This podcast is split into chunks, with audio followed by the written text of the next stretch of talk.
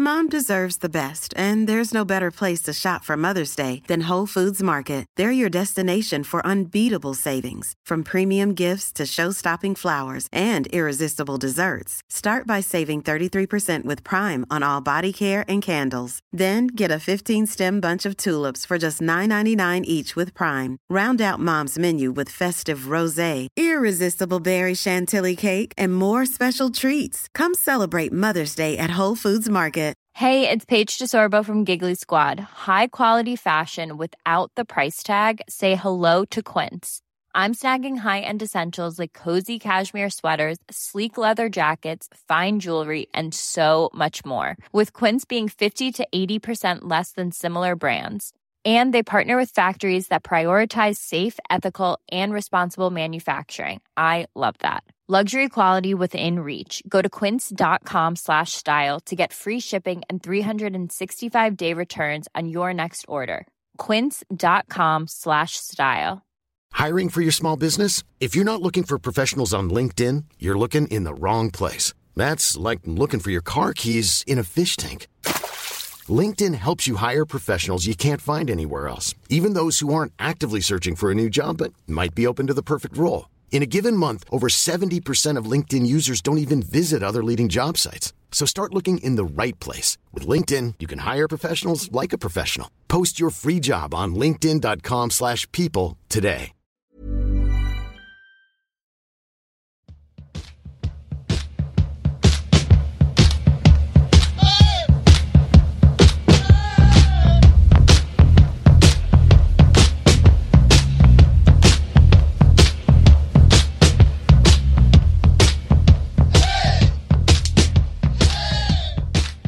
Hej och välkommen tillbaks till poddplats H, avsnitt 81. Vi tuffar på här, jag och Josef. Och eh, jag börjar med att ställa frågan, hur är läget Josef? Det är ju faktiskt kanon.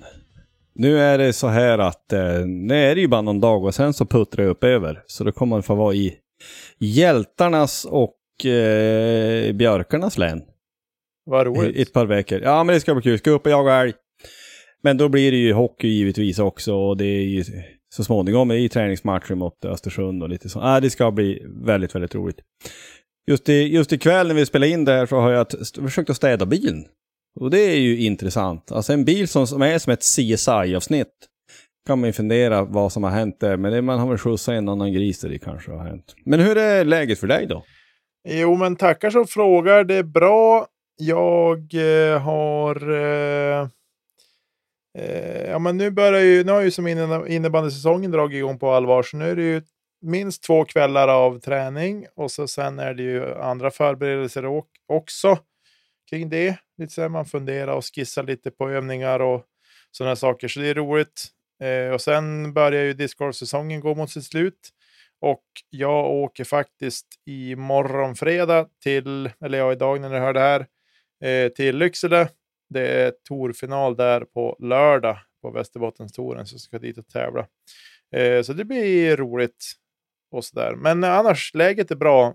Förkylningen jag hade förra veckan, den är mer eller mindre helt borta, så det känns jättebra.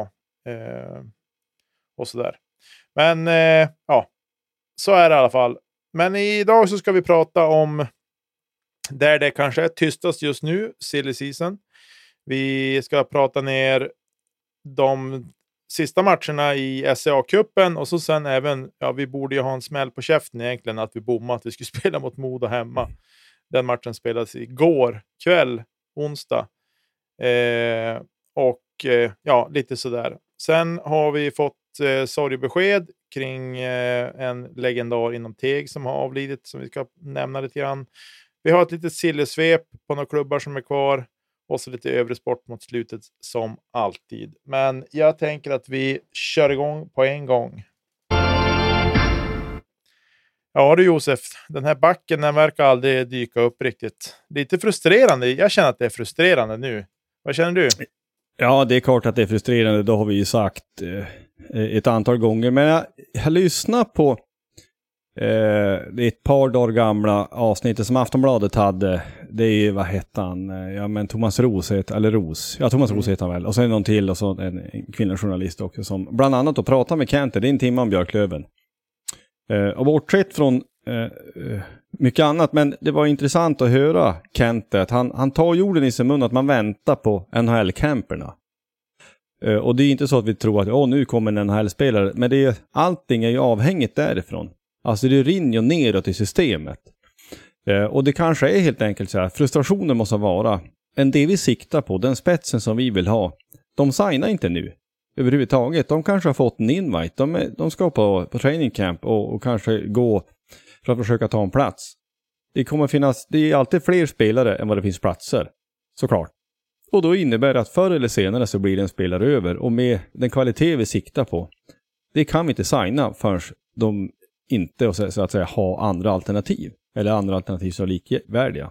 Det är frustrerande. Jag tycker att vi borde lära oss att vi ska ha full trupp så lite som möjligt. Men det, det kanske är helt enkelt så att marknaden ser ut som den gör. Och då har vi inte så mycket att välja på. Mm. Ja, eh, såklart. Och jag hoppas ju verkligen att, för det som, det jag känner lite grann är det här med att vi får in en back. Det är liksom sådär, ja men startsträckan blir lite längre än om de har varit igång, så där, men det är liksom in i spelsystem och alla sådana saker, lära känna gruppen. Och vad händer med gruppen när det kommer in en spelare? Nu har det i alla fall jag upplevt senaste säsongerna, egentligen sen lite grann sen Freddan kom in. Jag tror det här är en otrolig effekt av Freddan, men framförallt sen när Wiklund kom in också säsongen efter, att det har blivit annat ledarskap i truppen och det är en annan, liksom, kommer in en alfahanne i gruppen så blir han ganska snabbt nedtonad att det här är en grej vi gör tillsammans. Det är ingen som Mm. betyder mer än någon annan i det här laget, utan det här är en sak vi gör tillsammans. Och det tror jag är en av de absolut viktigaste styrkorna som det här laget har. Det tycker jag man får bekräftat i var och varannan intervju som går lite mer på djupet kring, inte bara så här en ytlig kring en match med en spelare, utan mer där de, där de har suttit ner, gått mer på djupet med dem, så tycker jag att man får den känslan att ja, men här kommer man in och här får man lära sig det ena och det andra liksom om hur vi ska få det här att funka och sådär. Eh, så att det är ju eh, det är väl det som man känner sig lugn med. Men låt säga att det här hade varit Anno Löven 2014. Då vet man inte vad en sån där värvning skulle kunna göra med laget. Det kan ju lika väl stjälpa det. Eh, så. Men med det sagt så känns det samtidigt, det är frustrerat, men man blir samtidigt glad att det är så högt vi siktar. Liksom. Eh, inte kanske på en som kommer och kliva och ta en här plats, men alltså stegen där under. Jag menar en, en rutinerad AHL-back är ju ingen dålig värvning om man säger så. Nej. Nej, och sen så tycker jag också, det, det kan vi konstatera må, sen många gånger, många värvningar, att, att Kent är också noga med researchen. Alltså det ska också vara rätt sorts människa. Eh, utan det är inte bara spelaren, utan också människan som är viktig. Ehm, så det är i kombination med det ledarskap som vi, som du säger då, som vi uppfattar och upplever att vi har i omklädningsrummet, så blir det där bra. Det kan ju snarare vara tvärtom. Alltså det är någon som kanske är stukad, kanske inte är rätt ord, men att ja, men här siktar jag på något högre, så hamnar jag i andra ligan i Sverige. Sen så får han komma till Umeå och se ja, liksom Hockey-Sveriges bästa kortsida och, och liksom ett omklädningsrum som trivs och, och liksom när man satsar på att gå upp och allt det här så kan ju det bli väldigt bra. Det finns frustration, det är klart det är så. Man skulle gärna vilja ha haft full trupp. Men det, kanske inte låter sig göra så lätt som möjligt. Det är lätt att, att sitta och tänka att ja, men det är bara hissa lädret. Ja, men det kanske är så att det spelar ingen roll nästan. Uh, inom rimlighetens gräns så kommer ändå ingen att signa för de pengarna. Så tillvida att du siktar på högre, kanske. Mm. Ehm, men eh, det, förr eller senare kom det in någon. Och då är det ju någon som vi siktar på ska förstärka laget och allt det här. Och göra oss bättre. Men vi kanske går vidare och så får vi fortfarande vänta. Silly season, stående segment tills truppen är full. Träningsmatcher har det spelats. Det har spelats SCA-cupen också. Eh, och vi kan, vi, vi kan väl göra så här. Vi stänger igen SCA-cupen. Eh, vi mötte ju Modo första matchen där det blev torsk. Sen så mötte vi Timrå på fredag kväll. Eh, och ja, eller var det? Jo, det var fredag kväll. Eh, och det var väl ändå en, en skaplig insats ändå, eller? Det tycker jag. Jag tycker att vi spelar, vi spelar ju rätt bra. Stora, långa eller stora stunder. Långa stunder säger man väl. Ja, nej men vi håller upp skatingen bra. Uh, och när vi gör det, eller när, när vi eh, liksom gör det vi, det vi ska och det vi kommer överens om så att säga. Och kommer fart, då, går det, då tycker jag att då spelar vi jämnt med dem. Sen så tycker man ju att det finns en viss ineffektivitet. Och den dagen supportrar som gillar hockey inte tycker att ens lag är ineffektiva, då är det ju dags att fundera på om det är något som är fel. Alltså det tror jag man alltid tycker. Eh, men jag, jag tycker verkligen det. Det ju, finns ju där att vi, vi skapar ju ganska mycket, men vi, vi bränner lite för mycket. Men det gäller ju alla utom Wiklund som smäller in tre. Det är ju fantastiskt roligt för honom att det, det lossnar lite och, och träningsmatch eller ej så är det väl alltid roligare i de målen än att bränna de lägen man har. Sen så tycker man att det är ju ändå surt att Timrå avgör med sju sekunder kvar och det är ju onödigt i den situation som är då vi ju faktiskt har pucken under kontroll i momentet innan. Men det är ju i stort sett så tycker jag att det är en, det är en ganska bra insats, det tycker jag. Det är ju mot SHL-motstånd måste man ha klart för sig. Det är de som varit femma i serien och som gick till kvartsfinal bäst av sju mot Örebro. Ja, så är det. Eh, och jag tycker ändå liksom, jag såg inte matchen, eh, utan jag tittade på lite highlights från den. Eh, och det är ett slarv liksom som gör att vi förlorar den där matchen.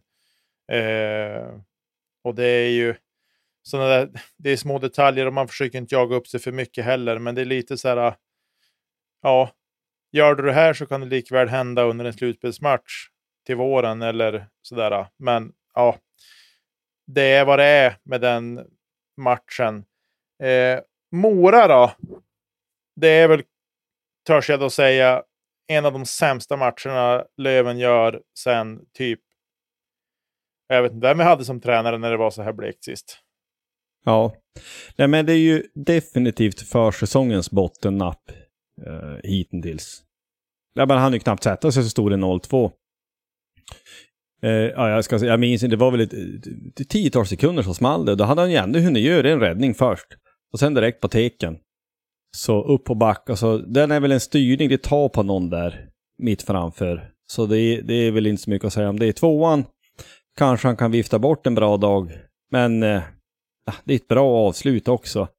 Men jag måste säga att jag tycker att han spelar ju upp sig och gör ju en hel rad kvalificerade räddningar också. Så att över hans insats så ska det inte falla någon som helst eh, skugga, det tycker jag inte. Um, sen så jobbas vi ju kapp, alltså allt eftersom och vi har ju 2-2. Eh, Dover Nilsson och William Jusla gör ju varsitt. Men det är, vad är det, 22 sekunder eller någonting, det där 2-2 hålls. sig. Och sen blir det väl frustrerande, vi lyckas inte hålla oss på banan och sen så gör de ett par mål i powerplay och sen är det en öppen kasse. Roligt dock att Wiklund, han fortsätter ju så han smäller ju in en till det då. Och då tycks man ju se den här glöden då. Liksom Mm. slagskott och han, han är bara arg. Han, han ju göra mål och sen syns det som att han vill slå ner någon också när han liksom är i farten. Ja, det var ju någon ihopåkning där. Han tacklade ju någon precis i samma veva som han sköt, tror jag, efteråt. Någon som åkte i isen. Så han var nog rätt arg där. Eh, och frustrerad. Kan vi väl konstatera. Men det var ju en riktigt blek insats. Jag är glad att jag inte såg så mycket av den där matchen. Eh, men ja, det är ju en riktigt dålig hockeymatch totalt sett också. Alltså vi är riktigt dåliga, Mora är inte särskilt bra. Nej, det var en, en blek insats av samtliga nästan, men framförallt av Löven. Eh, tycker jag. Eh, så vi kan väl konstatera att vi blev sopsist i SCA-cupen. Eh, och det är ju, ja, vad var det de sa i sändningen, en av de mest anrika försäsongsturneringar som spelas. Eh, Men det är ju betoning på försäsongsturneringar, ska man ha klart för sig. Alltså det går på samma sätt som att man eh, blir glad såklart i en försäsongsmatch om vi slår lag. Vi kom in på det alldeles strax här, Modomatchen där. Men lika lite som man ska låta sig svävas iväg utav en sån insats, även om den är bra, lika lite ska man ju gräva ner sig fullständigt över en skitmatch mot Mora i september som inte gäller någonting. man får ta det för vad det är. Och det är ju människor, du, du, både i huvud och kroppar så kan det väl bli soppatorsk liksom. Det är inte så mycket mer, ja men gräv ner sig, skit i det eller, och så kör man vidare bara. Träna bra tills nästa match, typ. Mm. Precis. Eh, Modo hemma då, så en match som vi glömde bort helt och hållet att prata om. Eh, och det är lite dåligt av oss, men det är vad det är. Eh, och här var det väl egentligen inget snack, tycker jag. Eh, glädjande att vi är starka i 5 mot 5-spelet. Vi gör väl ett mål i powerplay, tror jag. Weigel gör väl ett mål. Det målet är väl i powerplay. Eh, efter slarv av Dickinson tror jag det är, eller om det är Vigneault kanske det är förresten. Som slarvar i egen zon som Schilke kan snappa upp pucken och slå fram den till Weigel som får raka in den. Men eh, glädjande med att vi spelar väldigt bra i 5 mot 5. Vi sätter pressen och jag vet att Modo gör väl ingen bra insats och, och, deras tränare var inte alls nöjd efter matchen. Tyckte att de var uselt på att tävla och samtidigt tror jag lite så här, vi gör dem dåliga också. Mm. Eh, så jag, jag, tycker liksom att det är klart att det kanske kunde ha blivit jämnare. Vi hade väl en del flyt med lite studsar och sådär ska sägas, men vi gör en alltså insatsen från vår sida är tillräckligt bra för att vinna matchen oavsett eh, med studs eller ej. Eh, det är väl lite så jag, så jag ser det. Eh... Jo men det, det tycker jag. Alltså vi, vi har bra fart och bra intensitet. Och vi, vi liksom håller, det är mycket det här klassiska nästan klyschorna. Det är rätt sida. Vi, vi, vi gör jobbet. Det är väl liksom, ja men kanske de tre första, tre, fyra, fem första bytena. Det är som att vi inte riktigt får tag i pucken. Och de får ett par lite längre anfall. För det, det, det var ju förra matchen mot Modo också. Att de, eh, Alltså de är ju duktiga med Vigneault och de här gubbarna, Riley Woods i spetsen, när de får liksom snurra runt och ha pucken. För de har, liksom när de får igång deras passningstempo. Men när vi liksom, vi åker ifrån dem nästan. Um, 1-0 där, jag vet inte om du tänkte på det. Men det, det var väl, alltså Postler gör ju det. Mm. Och då har du uh, Sjögren inne. Undrar om inte, alltså det var väl inte hela fem minuter, de alternerade väl lite grann. Men jag tror att det var, var, var Sjögren, Postler eh, och så hade Maxim Fortier, Rahimi och eh, Kronholm.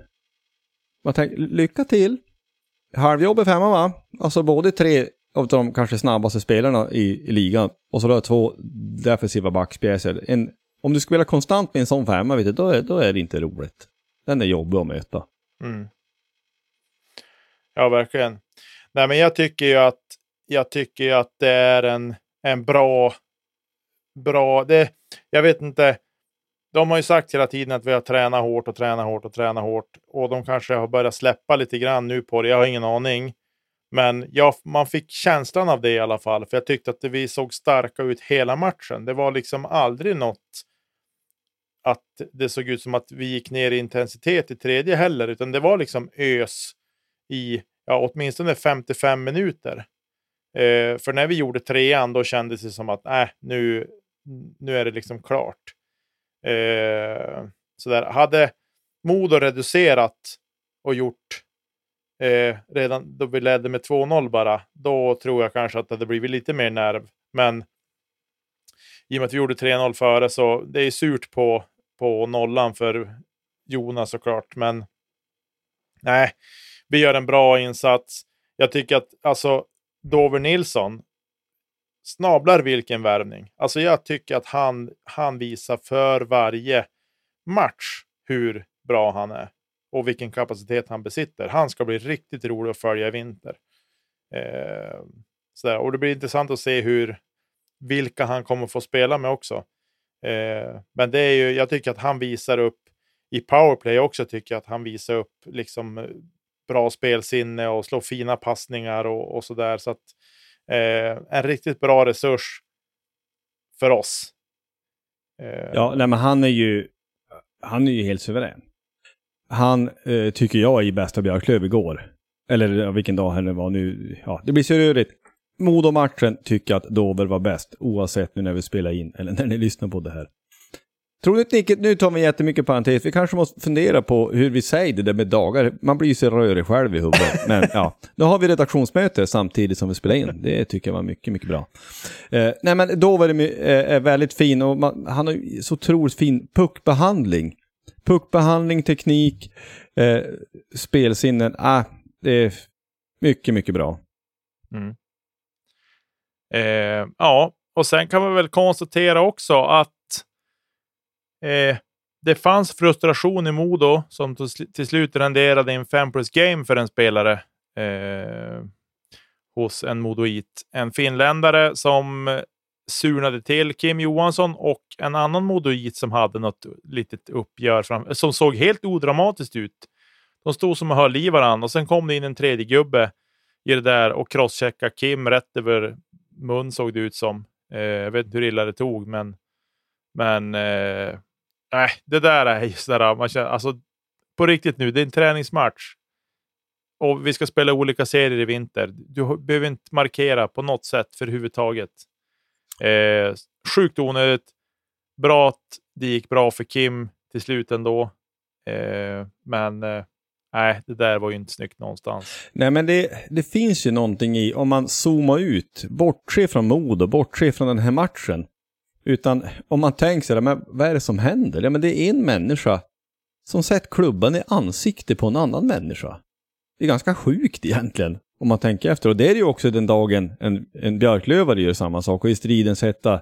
Men tänker man efter så är det ibland lite märkligt. För det är väl de här finländarna, vad heter han, Mikael Ruhuma, det var väl han som gjorde någon manöver på Scott Pooley. Ja, men Första träningsmatchen. är ju avstängd. Ja.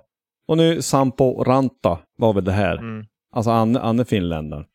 Och vi har ju också fått bekräftat utav de som var, utav någon som var i Örnsköldsvik för någon vecka sedan ändå, att det, varför han blev avstängd, det är ju inte första smällen han får, utan han ger ju en crosschecking på poolen när han ligger ner. Eller står på, på knä.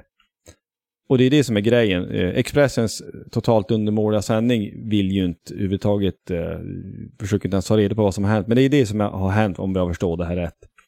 Vilket ju förklarar saken, för den där axelsmällen blir ju inte avstängd ett par matcher för. Nej, precis. Ja, nej, det är ju inte eh, snyggt någonstans och eh, nej, det är bedrövligt beteende det där. Eh, en annan sak som eh, jag tycker att vi bör nämna i det här. Alexander Wiklund ser ju fruktansvärt het ut. Eh, försäsong eller ej, men han ser ut som att han har tränat på ruskigt bra i sommar, måste jag säga. Eh, han ser pigg och rapp ut i skridskoåkningen. Han tycker jag, han har en annan puckkontroll och liksom, det är mycket saker som ser annorlunda ut med Wiklund. Det enda är väl att man känner igen det där skägget. Det är väl det som är... Ja. Nej men det, alltså uppenbart, det är ingenting att, att liksom sticka under stol med. Han har ju uppenbart gått ner i vikt. Alltså han har blivit lättare. Eh, sen hur mycket eller lite det är, men du vet på en elitidrottsman, en elithockeyspelare så, eh, vad säger, något eller några kilo gör ju direkt skillnad. Att har du, låt säga, ja men, det behöver inte vara många, 4-5 kilo för mycket, då blir det ju långsammare. Och när hockeyn idag går så fruktansvärt fort, så då är det ju fråga om tiondelar. Kan du tjäna någonting, ja men då kanske du hinner få iväg ett avslut istället för att det vart blad, blad, eh, rätt sida och allt det här eh, vid något tillfälle. Så det, det så är det ju. Och det sa han ju vid någon intervju som jag lyssnade på att han ja, man hade väl vissa problem med hälsan förra året. Om det var skador eller annat så att han har fått träna bra. Vi, ingen gillar att åka ut i semifinal. Men om man nu ändå gör det fast man inte vill så har man ju större eh, chanser att ägna längre tid åt till att rehabba och träna ordentligt. Vilket han och laget uppenbarligen har gjort. Eh, så det är jätteroligt att se att han är tillbaks i lite mera gammal god form. Mm. Och det lyssnade kanske också på, det var ju en annan eh, hockeypodd där, Hockeypuls var det väl, där Andersson, Rahim och Wiklund pratade. Och det var där han nämnde det också. Mm. Eh, eh, så man, äh, men det, det, känns roligt med honom. Eh, skönt att slå Modo. Vi ska, lika lite som sagt som vi ska gräva ner oss över en torsk mot Mora så ska vi uh, gå, drömma oss iväg efter en vinst mot Modo. Men det är ju alltid roligare att vinna än att förlora. Och vi gör det klart, vi gör det fullständigt rättvist och det är en helgjuten insats. Um, så Nej, men vi lämnar eh, dessa träningsmatcher och så tror jag vi tar och går vidare. Löven åker till Vindeln för att träna hockey. Det tycker jag är fint gjort av dem. Bra och eh, kul för ungdomarna och barnen i Vindeln att få se Löven träna där i deras ishall. Eh, och sådär. Eh, det kom Ja. ut en artikel på, på björklöven.com här. Precis, ja men det är ju eh, på tisdag. Är det så att då ska man träna och sen så får man träffa dem och det är lite meet and greet, au- autografskrivning. Men jag, jag tycker att det här det är snyggt. Det är sån, på ett sätt, liten ansträngning för klubben. Eh, det är besvärligt. Så en viss ansträngning, men det är en ganska liten ansträngning. Så får du komma dit och så får de träffa och... Nej, men du, du, det är så här du också gör nya supportrar. Eh, Eh, Helt enkelt. Ja, men det tycker jag är väldigt, väldigt bra gjort. Så det är bara att lyfta på hatten. Eh, Helt enkelt. Och vi kan väl också, vi, vi tar där som du nämnde i introt där att vi har ju fått besked att Kjell Rune Milton, Tigs SKs störste, har avlivit. Det måste vi ju eh, ändå säga. Han avled i en ålder av 75 år. Och eh, vi har också nåtts av beskedet att kommunen ska hjälpa till att hissa hans tröja nummer 13 då uppe i hallen och det är ju fullständigt självklart att den ska hänga där. Vi har pratat om tröjor som hänger i Björklövens del och kanske tröjor och nummer som borde pensioneras. Eh, han ska definitivt upp och det tycker jag är helt riktigt. Det ska säga att han, han var ju en legend, eller ja, Kjell-Rune Milton han gjorde 125 landskamper, gjorde ett antal VM och han spelade även OS i Sapporo 1972. Så det är bara att lyfta på hatten och eh, eh, vad säger eh, dela tankar med, med dotter, dotter och familj och, och syskon och så vidare. Mm. Eh, på tal om Teg kan vi också nämna att de har gjort klart med en ny huvudtränare för kommande säsong i division 2. Och det är Henrik Hetta som har skrivit på. Och eh, sen han slutade med som spelare så har han väl som känt att han skulle vilja tillbaka på hockeyn på något vis. Nu fick han frågan och tyckte att det kändes helt rätt så att han har varit och signat på som huvudtränare för Teg. Eh, så det börjar ju röra på sig lite grann där också. Eh, jag har ingen aning om hur stor trupp de har lyckats skrapa ihop hittills, men det ska väl bli någonting så får vi väl se då om de lyckas kanske spela sig upp i ettan. Eh, det vore ju bra om inte annat för Västerbottens hockey, men även för, eh, för Björklöven på sikt sett. Då. Och så, där. så vi får väl se vad som händer där. Eh, har vi så mycket mer vi vill nämna där eller känner vi oss nöjda? Jag tror vi känner oss nöjda.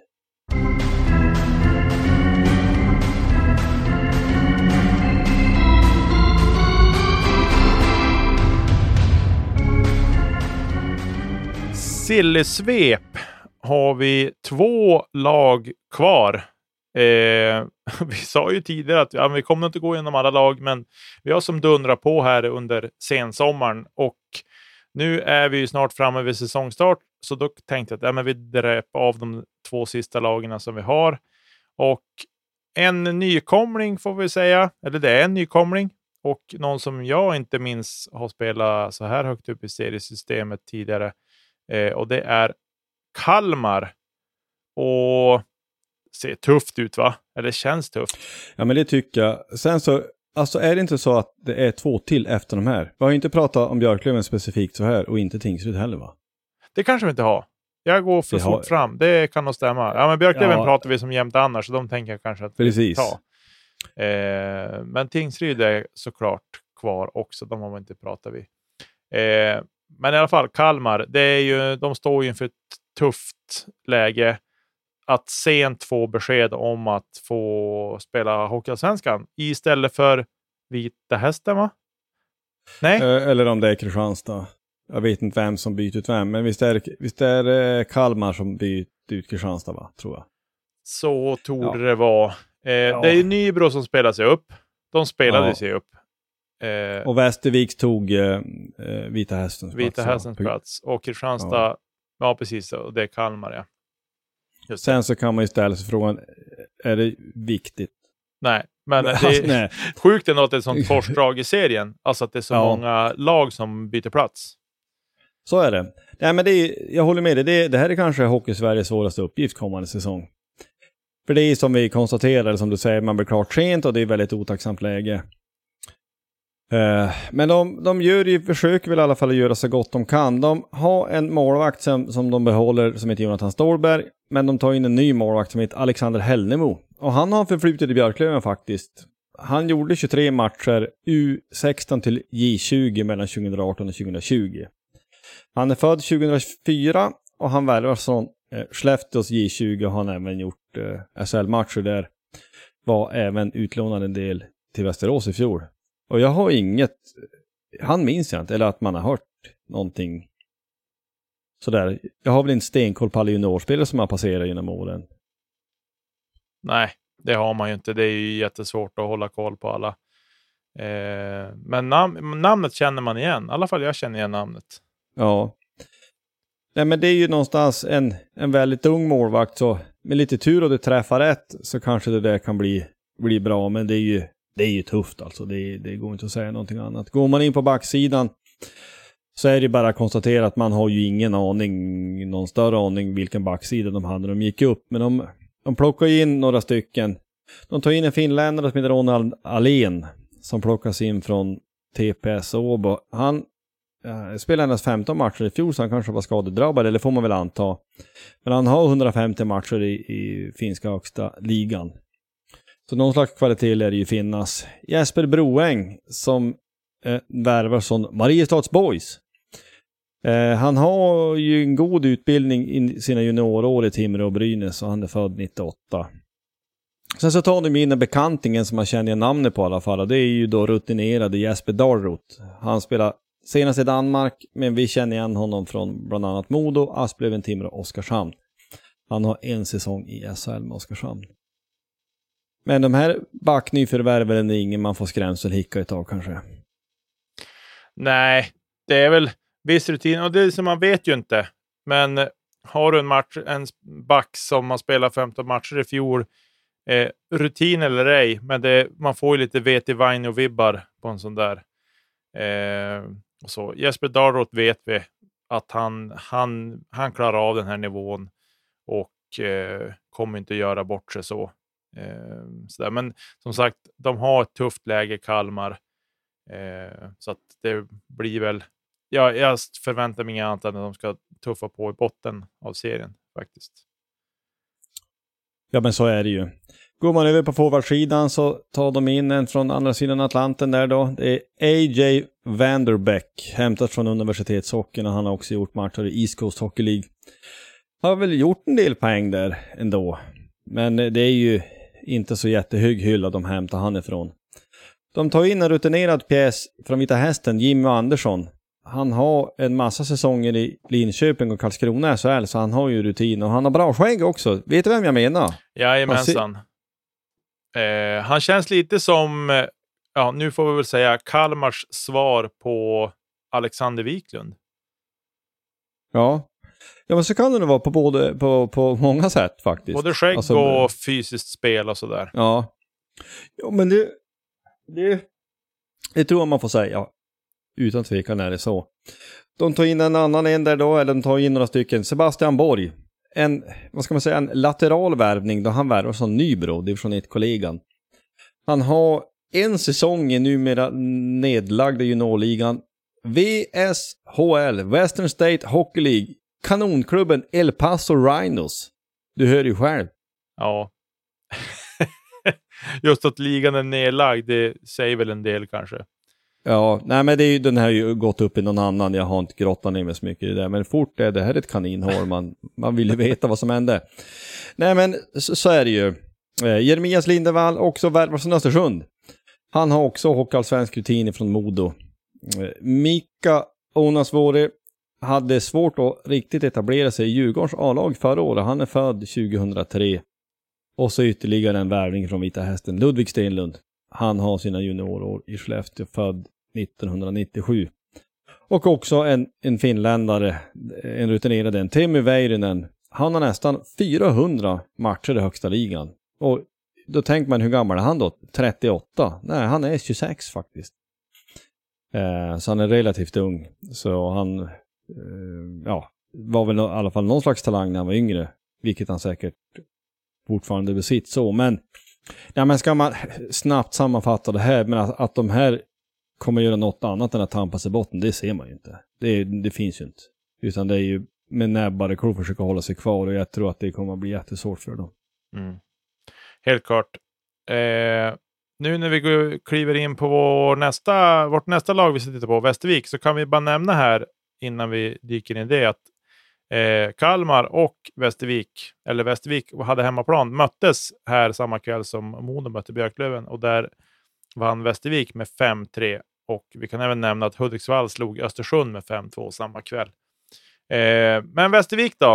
Eh, det är ju som sagt var sent besked in.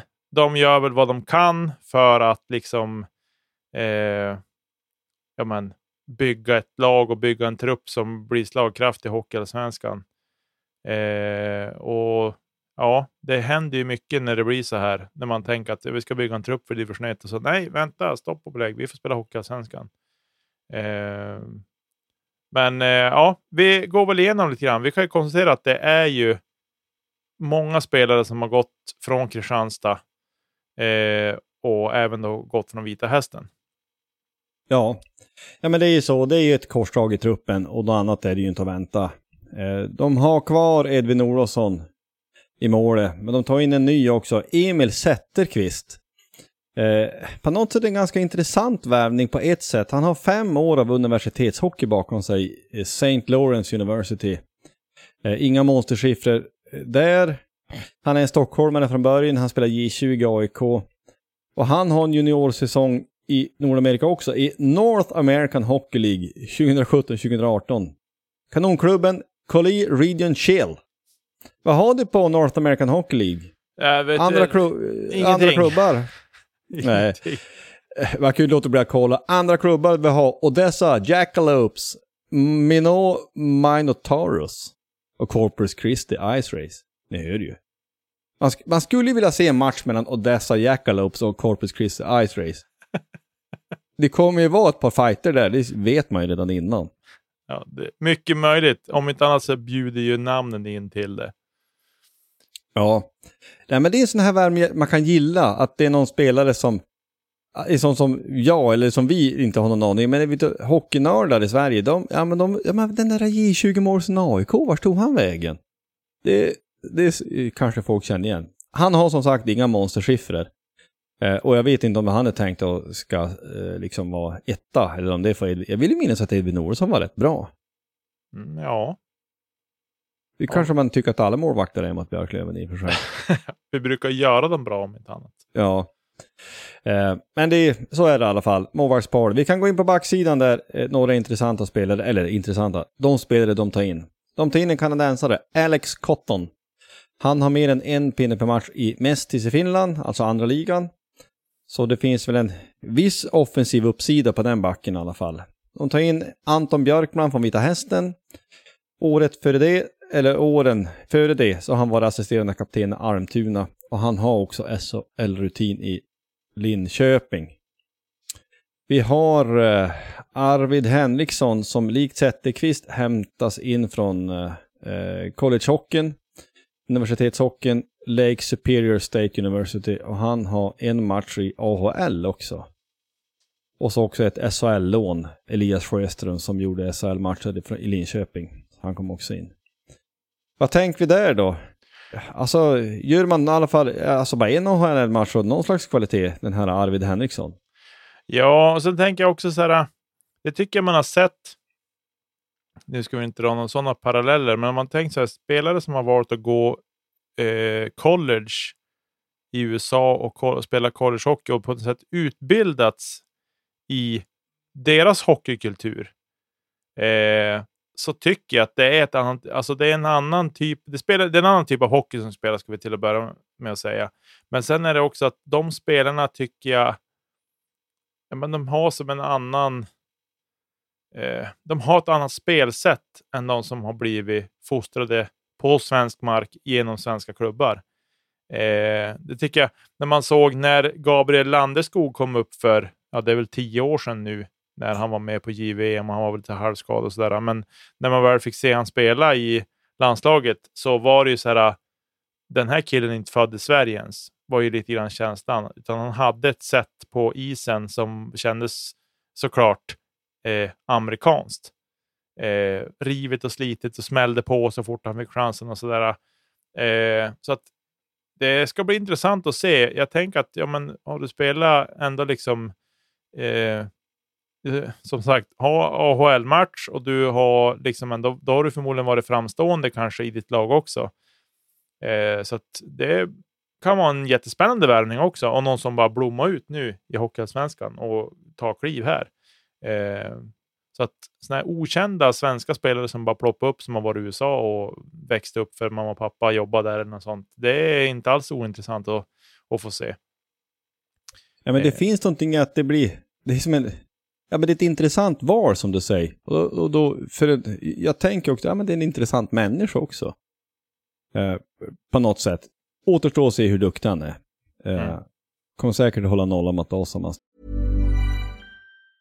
Mom deserves the best, and there's no better place to shop for Mother's Day than Whole Foods Market. They're your destination for unbeatable savings, from premium gifts to show-stopping flowers and irresistible desserts. Start by saving 33% with Prime on all body care and candles. Then get a 15-stem bunch of tulips for just $9.99 each with Prime. Round out Mom's menu with festive rosé, irresistible berry chantilly cake, and more special treats. Come celebrate Mother's Day at Whole Foods Market.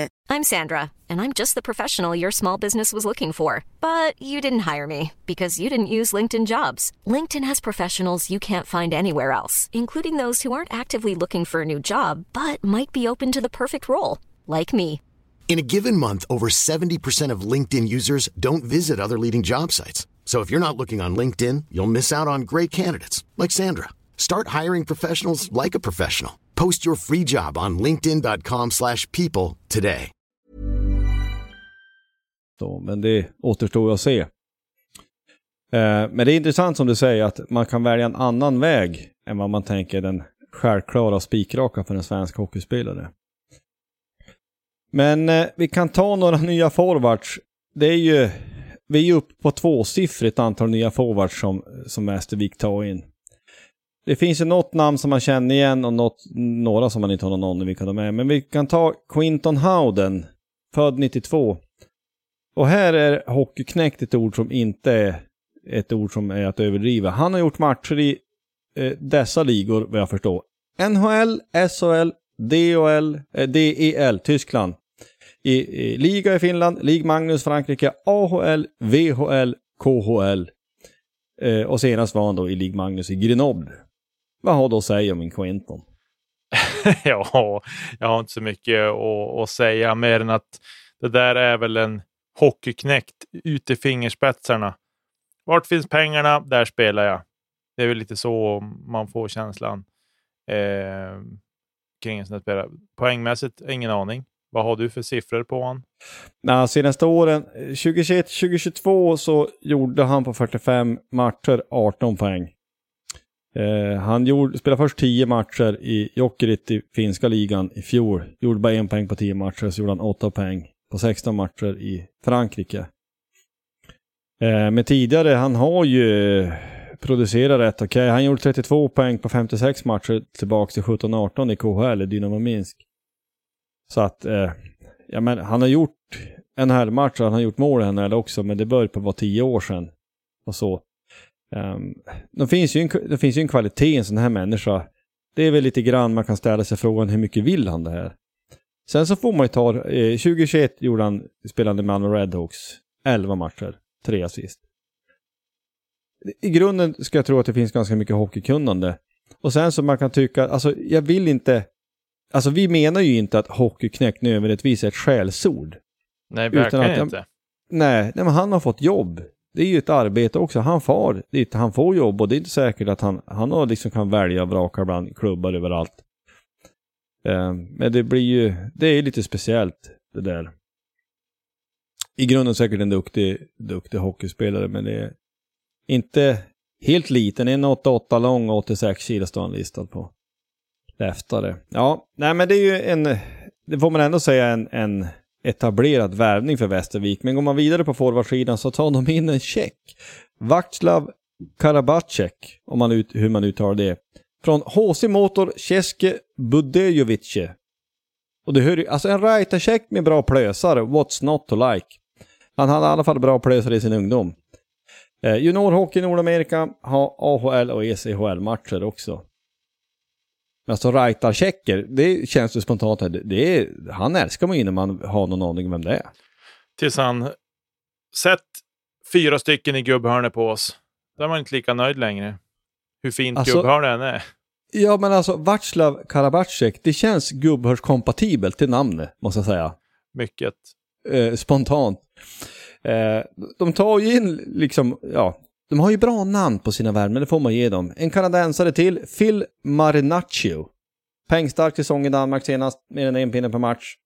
Han har också en, mer än en pinne per match i Frankrike, lik Magnus, och har också spelat i Norge. Och han har också hunnit, hunnit med universitetshockey.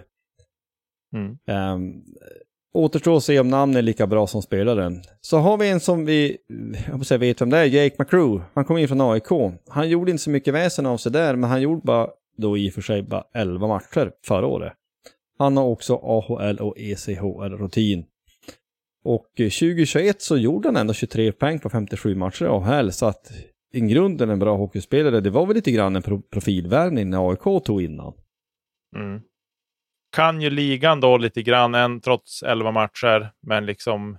Eh, så det är någon som har varit på stor is och eh, så där, så vi får väl se vad han kan åstadkomma. Rätt vad det är sen som blomma ut och bli hur bra som helst också i Västervik. Känns otäckt på så vis. Ja, och sen får man, jag skulle bara säga, alltså, bara 11 matcher, det får man väl anta han gjorde vid Lilse. Och eh, kanske han likadant, i någon slags liknelse med Wiklund, då har han tränat bra i sommar. Och rehab alltså, och, och pignat till och ätit gröt och så, då har han, ja. Precis. Eh, eh, Eh, Henrik Neubauer, svensk österrikare med svenska juniorlandskamper och har spelat i Färjestad i junior, under juniortiden och har även då gjort, fått testa på lite SHL-matcher där, men är numera österrikisk A-landslagsman. Eh, och han har gjort bra med poäng i Alps Hockey League där han hade uppenbarligen och klart och tydligt gjort mer än en pinne per match. Eh, och det är vad vi förstår andra divisionen i Alperna där ICEHL är högsta ligan där. ja. Alltså de har ju något alpupplägg så att det är från olika länder där då. Eh, det var en, eh, jag läste ganska nyss, det var en, eh, eh, ja men en artikel i, om det var Nya Värmlands Tidning här då, där man gjorde uppmärksamma då att han var i Färjestad för några år sedan och sen så har han liksom blommat sen och fick spela VM och så. Mm. Så det är ju kul. Eh, Viktor Öhman tar man in, det är Jens bästpojken, in från Vita Hästen då. Också tar de in ett intressant lån från Modo, Theo Jakobsson. Han hade 45 matcher i Hockeyallsvenskan i fjol och mycket poäng i Modos J20. 29 poäng på 17 matcher. Så det, det kan ju också vara sån där, han hamnar i Västervik, får spela kanske mycket och mycket powerplay och helt plötsligt så då, då exploderar en sån. Mm. Eh, på något vis och blir jätte, jättebra. Men eh, ska man sammanfatta både Västervik och Kalmar som vi var inne på förut, alltså de, jag tror Kal, nej, Västervik också får det ganska jobbigt. Det handlar ju om att undvika negativt kvar om man kan. Mm. Eller vad tror du? Nej, jag är, jag är helt enig med det där. Eh, sen är det klart att det är svårt att säga exakt, men framförallt Kalmar, de ser jag inte kommer att, att kunna eh, göra något annat än att hamna på någon av kvalplatserna faktiskt. Eh, Västervik, kanske om möjligt att de sprattlar till och har hockeyallsvensk rutin och kan kliva upp så pass att de slipper eh, kvala. Men de kommer vara också nere i botten. Botten fyran kommer Västervik att tillhöra och Kalmar definitivt. Eh, det är väl så det känns med de två lagen. De har ju den gamle storspelaren i Djurgården, Niklas Falk, han fortsätter ju som tränare där. Han kom väl in i fjol va? Tror jag. Ja, Eh, precis. Så då eh, fortsätter han och det är ju intressant ändå. Det får man ju eh, ändå ändå säga. Nej men det, det här är ju två, vad vi antar, två bottenkonkurrenter. De har en del roliga namn som de tar in. Men återstår att se hur bra de är och det är ju inget, inget av de här lagen som gör eh, så att man blir alldeles livrädd. Det, så är det ju. Eh, så är det. Ja men vi får, nästa vecka får vi försöka knyta ihop det här då och, och få med Tingsryd på ett hörn. Hej som ett, ett småländskt hål där med en massa lag. Mm. Ja, vi får väl se, men vi kanske gör något slags liknande men är med Björklöven också för att få liksom själva uppställning. Vi får se. Det måste vara. Nej men det var Kalmar och Västervik. Vi går vidare. Övrig sport. Ja, alltså Degerfors. Undrar man vad det är frågan om. Det har varit stökigt som vi var inne på tidigare med tränarbyten med via mail och allt möjligt. Och så möter man regerande svenska mästare och man tänkte här blir jobbigt. Nej men det vinner man ju med 1-0. Eh, den såg man inte komma alls. Eh, så det är ju eh, fantastiskt roligt och viktigt också i det här eh, ångesten som bottenregionerna i fotbollsallsvenskan ger. Nästa match för Degerfors, det är nästa måndag, borta mot AIK. Som ligger nu just bakom eh, Degerfors i tabellen. Det är ett ångestmöte du. Mm. Ja, det är, jag fattar. Jag tittar på tabellen just nu och det är ju eh, Degerfors har 23 poäng, AIK 22, Sirius 20 och avhängda Varbergs, har 14, Varbergs Boys har eh, 14 poäng. Mm. Men eh, IFK Göteborg 23 poäng, Brommapojkarna 26. Eh, så det är lite så här, ah, ja, vinner Degerfors så tar de väl bara en placering om Göteborg skulle missa sen. Men eh, ja, det är ju vilket race det är i botten. Jag, jag är, kan säga så här. Ah, jag är sjukt glad att jag inte är involverad eh, på ett, alltså känslomässigt engagerad i någon av klubbarna i, i fotbollsallsvenskan. För då hade man, och framförallt något av lagen där nere. Oj, vilken ångest. Nej, men det, det blir ju väldigt speciellt det som talar för, om man, nu, nu greppar man ju halmstrån kanske, men det som talar för Degerfors det är ju någonstans att man på något vis har, har byggt sitt lag, eller nästan till och med byggt sin identitet på att man ska kämpa. Det är liksom kärlek och lidande, det är så det ska vara. Lite likt Björklöven på ett sätt, men nu spelar man ju högsta serien till skillnad från oss såklart. Men medan för AIK som är kanske Nordens största klubb, de ska inte ligga där med sin ekonomi och de ska inte ligga där med framförallt den, den, liksom den identitet de har. Så jag tror att det är en, en superstor press att spela där. Sen har man försökt att värva sig ur det, men det, det är kanske inte så lätt. Du är det du är och nu är det ju inte liksom så supermycket kvar. Utan man går in i, i sluttampen på serien här. Det är 30 omgångar, det är 8 matcher kvar. Varberg vann ju här sist. Jag har absolut ingen tro på att de ska faktiskt sprattla sig ur det, men det, det finns en viss...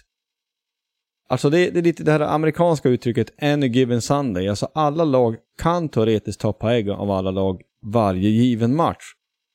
Um, I toppen så är det Elfsborg, Malmö och Häcken som spelar om guldet. Jag tror inte Djurgården kommer att krångla sig dit som då ytterligare fyra poäng efter Häcken som är trea. Men uh, det, uh, det, ska bli, det ska bli intressant att se ehm, uh, helt, helt enkelt.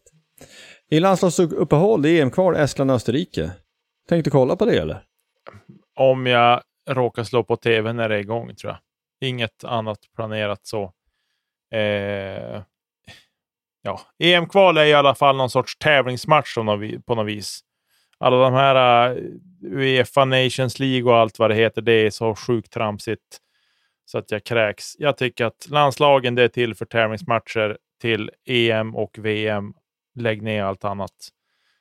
Eh, möjligtvis OS också då, men nej, jag tycker att det är tramsigt med de där Nations League. Men nu är det EM-kval, så att ja, kanske att man slå igång tvn om, om det är så att eh, man inte har något annat för sig. Så det är lite så tyvärr, ah, jag har blivit lite förstörd av alla de här landskamperna, både på hockeysidan och på fotbollssidan. Att det har varit så mycket tramsiga turneringar och sådär. Eh, men det är ju, jag tycker att Estland ska i Sverige slå i alla fall.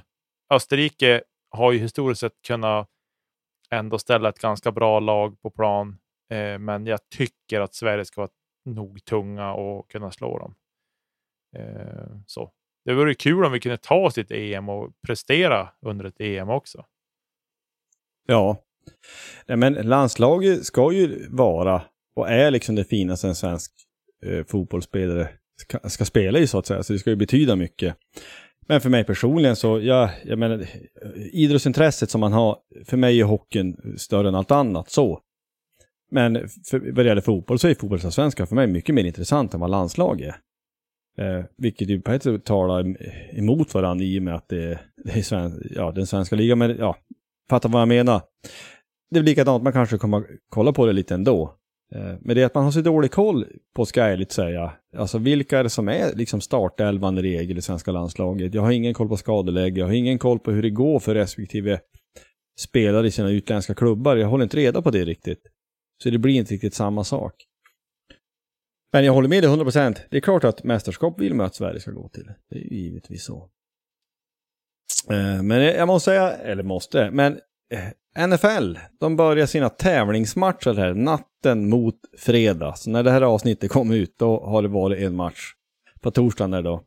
Och för 49ers del har det varit, om inte Ågren, så nästan så att, men allvarligt talat, Nick Bosa, defensive enden eller pass rushen som eh, är en av de absolut bästa defensiva spelarna i hela ligan.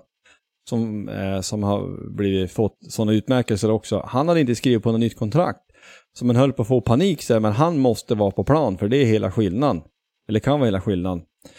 Eh, då nåddes vi av nyheten. Han eh, skrev ett nytt femårskontrakt för den nätta summan 170 miljoner, alltså 34 miljoner per år. 122,5 miljoner garanterade eh, utav de pengarna.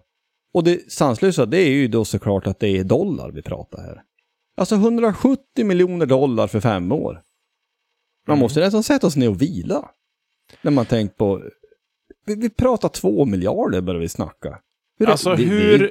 hur hur många grundseriematcher sa du eller hur många matcher spelar de? Om de går till Super Bowl, hur många matcher spelar de då? Uh, ja, men det är ju, uh, det är ju 17 matcher i grundserien och beroende på hur bra det går så kan du få spela en, uh, kan du få spela en uh, slutspelsmatch Ja, men det är, ju, det, det är ju 20 matcher ungefär. Totalt, på en mm. hel säsong, om du går till Super Bowl. Ja, precis. alltså det är så här, man fattar ju, de har stora arenor och hela den biten. Men jag menar, han är ju inte ensam i laget. De är ju över 50 spelare i truppen, plus alla tränare, hur många de nu är. Det är ju en huvudtränare såklart, men sen är det ju en drös andra. Det är offensive och, det, och defensive line och det är allt möjligt. Eh, alltså det känns så här, de måste ha en arena som tar 100 000 och sälja ut varenda hemmamatch, plus att de har sjuka reklamintäkter. För att jag förstår inte hur de går runt. Ja, det är ju fullständigt sanslöst. Det är ju så enormt mycket pengar det här. Det, det, är så, det går inte att ta in riktigt vilka, eh, alltså vilka pengar eh, vi, vi, pratar om här. Det passerar i någon slags flöde att eh, man räknar med att i år så kommer NFL att dra in i intäkter runt 20 miljarder dollar alltså. Och det är då ska vara mer än vad Premier League, La Liga, Bundesliga, Serie A och Ligue 1, eller första ligan i Frankrike, drar in tillsammans. Och först jag hörde det så tänkte jag, men kan det verkligen stämma? Det låter ju helt sanslöst. Det, det är ju det är så mycket pengar som finns. Men man kan tänka så här, i USA, om jag nu förstår det här rätt, någon får ju rätta sig i så fall, men jag tror att det är så att i USA så bor det fler människor än vad det gör i, i Storbritannien eller i England, i Spanien, i Tyskland, Italien och i Frankrike tillsammans. Så att mm. ser man på befolkningsmängd så bor det, bor liksom folk för det. Eh, sen så är ju alltså idrotten i USA, man får tycka vad man vill om det, alltså den är ju hyperkommersiell och professionell. Eh, så man är ju, man är liksom duktig på det, man är duktig på att dra in pengar. Och det här var ju också, liksom var som en dörr man öppnat, men det här vill man ju kolla in mer eller fundera på. Och då kommer jag att tänka på att Forbes, alltså tidningen Forbes brukar varje år göra en lista på de 50 mest värdefulla klubbarna, alltså vilka är värd mest pengar? Och jag är ingen ekonom så att exakt vilka variabler man har dragit in. Eh, i, hur man försökte räkna på, eh, på liksom de, de 50 vad säger, största klubbarna i hela världen vad det gäller alla sporter. Eh, och av topp 50 av alla klubbar så är 30 NFL-klubbar. Mm. 30 av 50. Och den stora saken som har med det att göra, det är ju ett nytt tv-avtal som har ganska nyss signas upp här. The Richards Media Deal in Sports. Smaka på den här. Det är 112 miljarder dollar fram till 2032. Det är helt sjukt. Ja, men det, det, det är så sanslöst. Men det är också den, den, liksom den största ligan i världen. Eh, vad det gäller idrott. Och den, den liksom har ju miljoner och åter miljoner. Alltså det är så enormt många som tittar på NFL i USA. Alltså amerikansk fotboll är så otroligt stort. Och man börjar ju ha en ganska stor publik i Europa också. Men jag själv, ja du, du, att man blandar in sig själv i en sån här diskussion är ju bara bisarrt. Men det, men det, det är jätte, ganska många europeer som köper Game Pass och sånt som det finns då. Och de kostar ju en slant. Det, gör de. Det, där, där ska man ha klart för sig att de är duktiga på att streama sport i USA, det får man ge dem. Jag har varit med om en gång att det har laggat ordentligt och varit krångel. Då fick jag tillbaka en massa pengar direkt.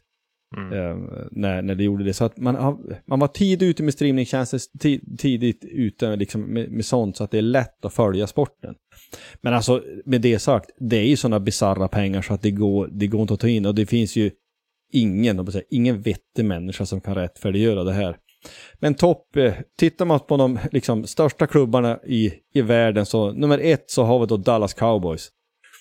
Eh, som då eh, räknas vara värt ungefär 8 miljarder dollar. Eh, eh, exakt som sagt hur man har räknat vet jag inte. Men tvåa New England Patriots, trea Los Angeles Rams, fyra då har vi en baseballklubb, New York Yankees. Eh, jag hoppas säga, där, jag hoppas säga kepsförsäljningen måste ju dra in bra mycket. Det känns som att varenda människa har New York Yankees keps. Fast man inte vet att det är New York Yankees. Exakt. Det, är det, de mest, det måste väl kanske vara den mest kända sportloggan, eller vad säger du? Spontant. Ja, det är ju bisarrt. Alltså det är bisarra summor. Eh, ja. Nej men det är så, New York Giants är där, New York Knicks, basket, eh, det är den första basketklubben som, som kom in som nummer sex där då. Um, och så hade uh, ett par basketlag där också. Första basketlaget kom nummer åtta i Golden State Warriors som har varit framgångsrika på slutet. Men det är uh, den, den första fotbollsklubben. Du kan få gissa vilken plats den har och vilka det är. Oj. Det, det här är ju spontant, det är jättesvårt. Jag kan säga det är nummer 13. Den, den största fotbollsklubben i världen. Är det den klubb som räknas vara mest värd? Eh, ja, men jag drar till med, vad ska vi säga, PSG? Ah, bra gissning. Det är Real Madrid. Ja, det var, jag velar mellan Real, Barca eller PSG. Ja. ja men Real är 13. Eh, du har Barcelona 15. Mellan där så har vi Las Vegas Raiders. Tänkte du ville veta. Eh, PSG fanns på den här. Liverpool, som vi har en viss, som vi gillar, ja, till vissa delar då, det är, de är på nummer 22. Manchester City 24. Däremellan hade, hade också Bayern München var inblandat där då. Men det är ju igen mycket, mycket amerikanska klubbar. Och som sagt, 30 och 50 så har du eh, NFL-klubbar. Jag håller på att mm. scrolla här samtidigt. Man är kille kan ju inte göra flera saker samtidigt. Men jag vill med Paris Saint-Germain 48. Så att de är också med där. Ja, det var eh. så pass långt ner alltså ändå. Jag, alltså jag varit förvånad att Liverpool var före Manchester City ska jag säga. Ja, som sagt, jag vet inte riktigt hur man, man räknar värde, men det är också att man, det handlar ju också om vilka ägare det har får man väl anta. Och att man har investerat mycket i, i arenan, Anfield och allt det här. Gissar jag. Nu är det mycket gissningar. Men äh, gräver man ekonomi och, och elitidrott så blir man ju galen. Och då kan vi titta Hockeyallsvenskan och prata om löner. Men du vet, det är ju peanuts i, i det stora hela. Den största hockeyklubben i världen är New York Rangers i alla fall. Eh, läste läste mm. mig till då. Men ja, det är ganska intressant. NFL börjar och jag tycker att det ska bli otroligt roligt att se. Jag älskar ju den sporten också. Jag tycker att det är en fantastisk sport. Det är liksom styrka, snabbhet, taktik och ja, det är det mesta som man vill ha en idrott som är involverat i, i samma sport. Jag tycker att den är fantastiskt rolig. Um, har du någonting från discgolfens värld att rapportera? Ja, vi nämnde det ju förra veckan att VM var igång och eh, de spelade ju fem runder totalt. Och eh, på damsidan så vann Kristin Tatar ganska tippat. Hon är världens bästa discgolfare och har varit så både i fjol och i år. Eh, så att där var det som inget snack. I fjol så tror jag det var så att hon missade bara pallen när hon inte var med och tävlade. På alla tävlingar hon ställde upp i. Det säger ju en viss dominans. Jag ska inte ta gift på att det var så, men jag tror att det, det var en ruggig streak i alla fall. I år är hennes sämsta placering sexa. Hon har en femteplats, en fjärdeplats. Sen är resten på pallen av samtliga tävlingar hon har ställt upp i. Men det här är ju såhär Djokovic-siffror. Rafael Ja. Nadal när han var som bäst. eh, Federer. Ja, nej, men alltså hon, hon är ruggig och då har hon ändå inte spelat sådär. Hon har inte känt att spelet har suttit där, liksom. Men ja, haft lite flyt och det har liksom vissa delar av spelet har funkat och det har räckt för att hon ska kunna vinna och placera sig högt upp i tävlingar. Eh, och på herrsidan så har vi en ny vinnare av VM, sin första VM-titel, Isaac Robinson, som började spela discgolf redan vid två eller tre års ålder. Började han med discgolf. Eh, och han pappa som eh, har drillat han och hans bror, eller bröder tror jag det är till och med, i discgolfen och fick nu vinna. Han hade faktiskt, hans pappa var caddy åt han under rundan också, så det var fint.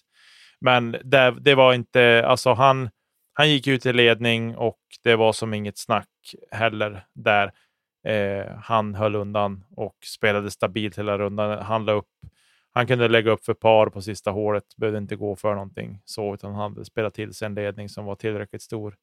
Och så. Och dessutom tog han sin andra major för året och dessutom den som är snabbast att ta sin andra major-seger. Den förra han tog var hans första major någonsin och nu var det endast 133 dagar emellan tror jag. Och så, så det är han bäst i världen på också. Ehm, Men alltså Så- tillbaka till den här Kristin Tatar, eller hur man uttalar Ja. hon. Vad är det som gör att hon är så bra? Är hon lite bättre i de flesta momenten? Är det så att ja, men hon har ett vad säger, short game, hon missar inte en putt? Eller är det att hon kastar mycket längre än alla andra? Nej, hon kastar ju inte längst på touren. Det gör hon inte. Hon kastar långt med kontroll, men inte, absolut inte längst. Det gör hon inte. Eh, men alltså, vi har pratat om det här äh, jättemycket. Jag har en annan podd också som handlar just om discgolf och vi har pratat jättemycket om det här. Och jag har hela tiden hävdat att hon, hon är så otroligt ödmjuk inför sina uppgifter som hon har. Och det är det som gör att hon är bäst i världen och har blivit bäst i världen. Att Liksom att hela tiden tackla allting på ett ödmjukt sätt. Inte framhäva sig själv på något sätt. Inte låta egot ta över eller någonting. Utan eh, hela tiden kast för kast och eh, ja, men spela smart. Och framförallt så har hon ju, hon har ju alltså hög procent på det mesta. Eh, inte bäst i alla moment, men, men sammanslaget så är hon överlägset bäst. Och hon kommer väl mest troligt vara den första eh, kvinna som tar sig över 1000 ratingpoäng också. Eh, som det ser ut. Det är ratinguppdatering på tisdag till veckan. Eh, och jag tror att det är rätt många som är rätt spänd på att se om hon bräcker 1000-gränsen då eller inte. Eh, så att, eh, ja, nej, men hon är, hon är helt outstanding och eh, hon är solklar världsetta. Eh, och jag gissar att hon kommer att vinna de tävlingar som är kvar i eh, alla fall. Det, det är en major kvar och det är Throwpink eh, US Women's i USA. Den tävlingen så tror jag att hon kommer att vinna också. Det är en jättestor tävling. Eh, och så får vi se. Då. Det är Champions Cup och sånt. Eller det är eh, Championship heter den. Det är ett, en speciell typ av tävling som jag inte kan detaljerna på nu. Jag måste få läsa på lite grann. Men där tror jag också att hon kommer att vinna. Men som sagt, hon är eh, senaste två åren är det ingen som ens har utmanat henne alls, utan det har varit liksom hon är. Ja, vad ska vi säga? Hon är överlägsen världsetta på damsidan. Så är, är spetsen då, eller vad man ska säga, är, är toppen bland herrarna mindre spetsig? Alltså det är fler som är där då? Ja, den är betydligt bredare toppen i herrarna. Eh, och har blivit så senaste två, tre åren egentligen. Kan man säga att den har breddats på, vilket är roligt också. För det blir ju jämnare tävlingar där också. Eh, så det, på så vis är det ju roligare. Det är väl kanske lite tråkigt på damsidan att det har blivit så här att Tatar är så överlägsen. Men hon är från Estland. Hon blev årets atlet, tror jag. Fick hon ett pris i Estland. Hon eh, har varit med i något stort eh, idrottsmagasin i Estland. Eh, och så där. Och nu gick ju EM gick ju i Estland också, så hon fick ju vinna på hemmaplan och träffa presidenten där och allt det där eh, i lilla Estland. Så att hon är ju en, alltså, lite så här, jag vet inte vad man ska kunna jämföra med, men det blir fel att säga Foppa eller Zlatan. Det blir konstigt. Men alltså hon är jättestor just nu hemma i Estland och har ju discgolfen där har ju fullständigt exploderat efter hennes framfart och så. Eh, så att hon har betytt väldigt mycket för ja, men både för sporten, men jag tror att hon har betytt jättemycket för befolkningen i Estland också. Att se att ja, men vi har faktiskt folk som vi kan bli bäst i världen på eh, saker. Sådär. Och jag tror att det betyder mycket både för henne men även för landet som sådant. Men alltså, vad, eh. du som då är, är så, är du, du som är insatt och har vad, vad ser du för discgolfen framöver? Alltså, jag menar, det, det är ju, och har ju varit nu ett antal år, men, men det är ju liksom en sport på riktigt. Och nu är det ju på allvar att ja, men det är liksom en internationellt genomslagen idrott och det blir liksom på riktigt, ja men alltså att en, en duktig discgolfare faktiskt uppmärksamma uppmärksammas både nationellt och så att säga internationellt. Va, va, vad ser man? Eller va, vad tror man? Finns det några förutspåelser för? Ja, men vars, vars kommer discgolfen att hamna någonstans? Alltså, eh, vi, det här har vi pratat om tidigare, men eh, att den har ju, den har ju väldigt mycket, alltså pandemin att tacka för att den har blivit så stor, discgolfen. Men samtidigt så har det discgolfen har ju växtverk. Alltså det har gått fruktansvärt fort att det har blivit så vansinnigt mycket spelare. Eh, om man eh, säger att, alltså om man tittar på PDGA-medlemskap till exempel. Det är ju liksom eh, våran, den internationella spelarorganisation som finns. Eh, mitt medlemsnummer, det är, nu ska vi se, 100 717 har jag. Alltså 103 717. Det är mitt medlemsnummer. Och jag har varit medlem 2017 tror jag, eller om det var 2018. 2018 kanske det var jag blev medlem. Och det är som ett nummer du får och sen förnyar du ju. Det är liksom ingen som kommer att ta över det, utan det är mm. liksom det numret som man får. Eh, och vi har passerat en kvarts miljon tror jag medlemskap nu på de här åren. Så att det har tillkommit lika många medlemmar till, minst, som från när jag blev medlem för fem år sedan. Eh, och det är som var sagt var tack vare pandemin till stor del. Men jag tror att discgolfen kommer att växa ännu mer och kommer att bli mer erkänd som sport också. Och eh, här i Sverige så växer den ju, men, men för många är det ju fortfarande liksom bara en, en lattjo-aktivitet och att man inte liksom förstår eh, vidden av eh, vad ska man säga, tävlingarna och eh, nivån på tävlingarna och liksom sådär. Så att, eh, men det, det, och det får man ju förstå att den har som ploppat upp nu ordentligt och folk har börjat uppmärksamma den. Men det byggs banor, byggs jättemycket banor överallt, eh, och så där, vilket är jätteroligt.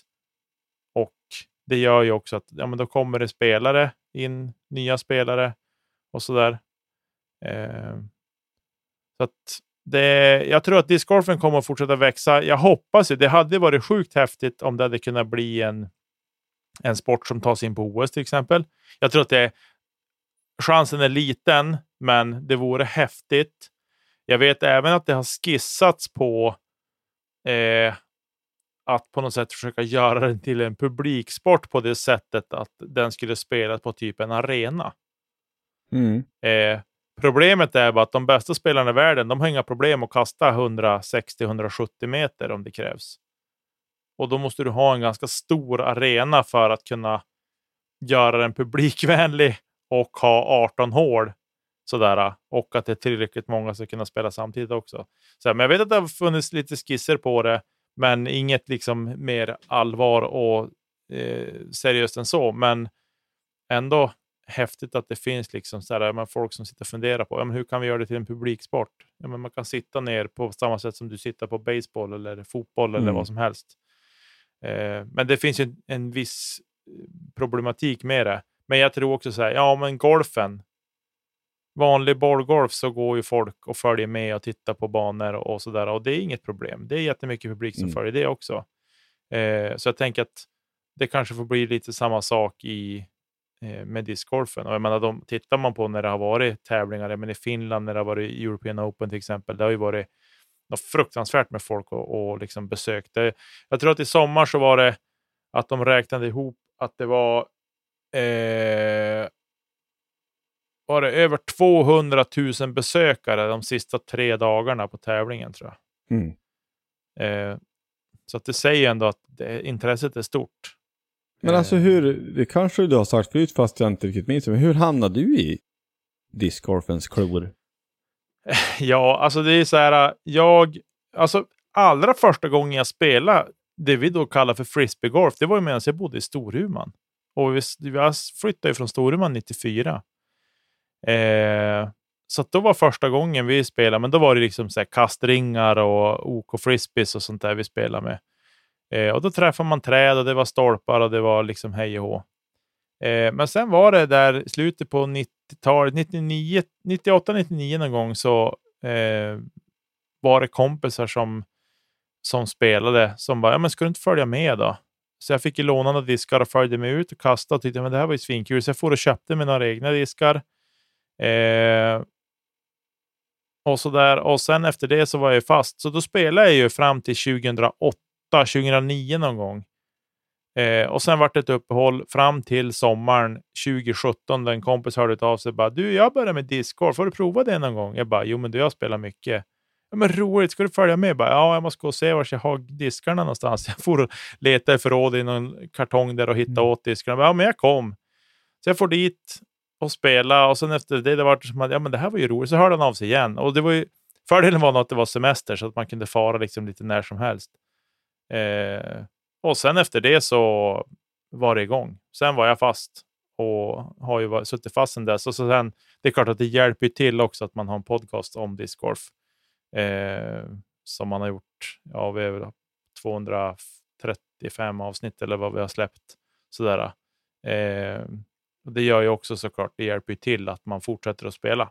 Så, men jag, nu är jag så hooked så att jag, jag ser som inget riktigt slut på när jag, att jag, såhär, jag tappar som inte sugen på det sättet. För det är ingenting som man håller på med året runt med spelandet i och med att vi bor i Sverige. Mm. Här håller man på typ april till oktober i bästa fall. Sen då liksom lägger man diskarna åt sidan. Och så, Eh, de seriösa och som tävlar på högre nivå än vad jag gör, de tränar ju hela vintern också på olika sätt. Sådär. Men för mig har det blivit som mer och mer att nu är det som eh, ja, men ett sätt att komma ut och röra på sig helt enkelt. Och sen, jag tränar väl en del också, det gör jag under, under säsong så, men inte så mycket. Eh, och sen har det blivit mer nu att jag liksom, ja, men, riktar in mig på att göra tävlingar för andra också. Det tycker jag också är roligt, att man får en kickback av det. och Så Så det är väl så. Det är ett kaninhål det där Josef, Ja. som jag vet att du har undvikit att, att hoppa ner i. Ja, nej men det är ju, det är klart, jag har ju bara prövat någon enstaka gång sådär, men det är klart att det, att det är roligt. Eh, och att det, alltså det skulle, det är liksom en tacksam sport på många sätt, just att det, det kräver, alltså generellt, du kan, du kan inte vara, men alltså, det kräver inte att du har superfysik på det sättet, utan vem som helst kan börja. Sen så finns det ingen övre gräns vare sig det gäller grejer eller att du klart att du skulle vara riktigt bra kan du gå omkring och väga 212 kilo. Men det är inte som hockey till exempel, utan det, det blir Nej. på ett annat sätt. Nej Så men är intressant. Nej men det, det är ju... Eh, eh, sport är kul. Vare sig det gäller Björklöven om de vinner träningsmatcher eller att det är den största kommersiella idrotten i världen så sport är roligt. Och det är väl också tävlingen. Kan man inte knyta upp det med. Tävla är roligt. Eh, Tävla är roligt, så det kan vi konstatera. Och sen är det så här också, just för att knyta ihop discgolfsäcken lite grann. Eh, när man har nördat in sig, det är någonting speciellt med att se disken flyga bland träd och ta sig fram. För man kan ju, men alltså bollgolf, så visst, de kan skruva bollarna och sådär, men de kan ändå inte komma i närheten av de linjer man kan kasta med en disk. Så mycket kan jag säga. Ja, jag säger inte emot det. Jag har ingen aning om det du nu sa är, är, är rapakalja eller om det är dagsens sanning. Det har jag ingen aning om. Men vi kan väl säga så här att ni som har orkat lyssna tills nu, vi tackar så, så, så hemskt mycket för att ni, mm, ni följer oss. Dela gärna med en kompis så drar vi med oss på det här Löventåget. Eh, och eh, vill man nå oss, poddplatsh.gmail.com.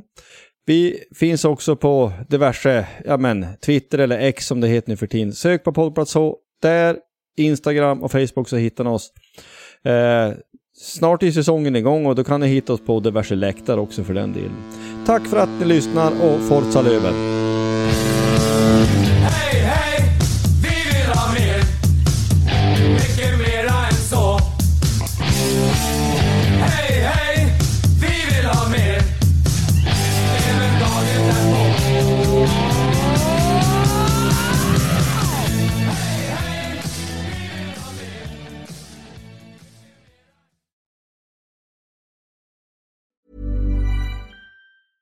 Mom deserves the best, and there's no better place to shop for Mother's Day than Whole Foods Market. They're your destination for unbeatable savings, from premium gifts to show-stopping flowers and irresistible desserts. Start by saving 33% with Prime on all body care and candles. Then get a 15-stem bunch of tulips for just $9.99 each with Prime. Round out Mom's menu with festive rosé, irresistible berry chantilly cake, and more special treats. Come celebrate Mother's Day at Whole Foods Market.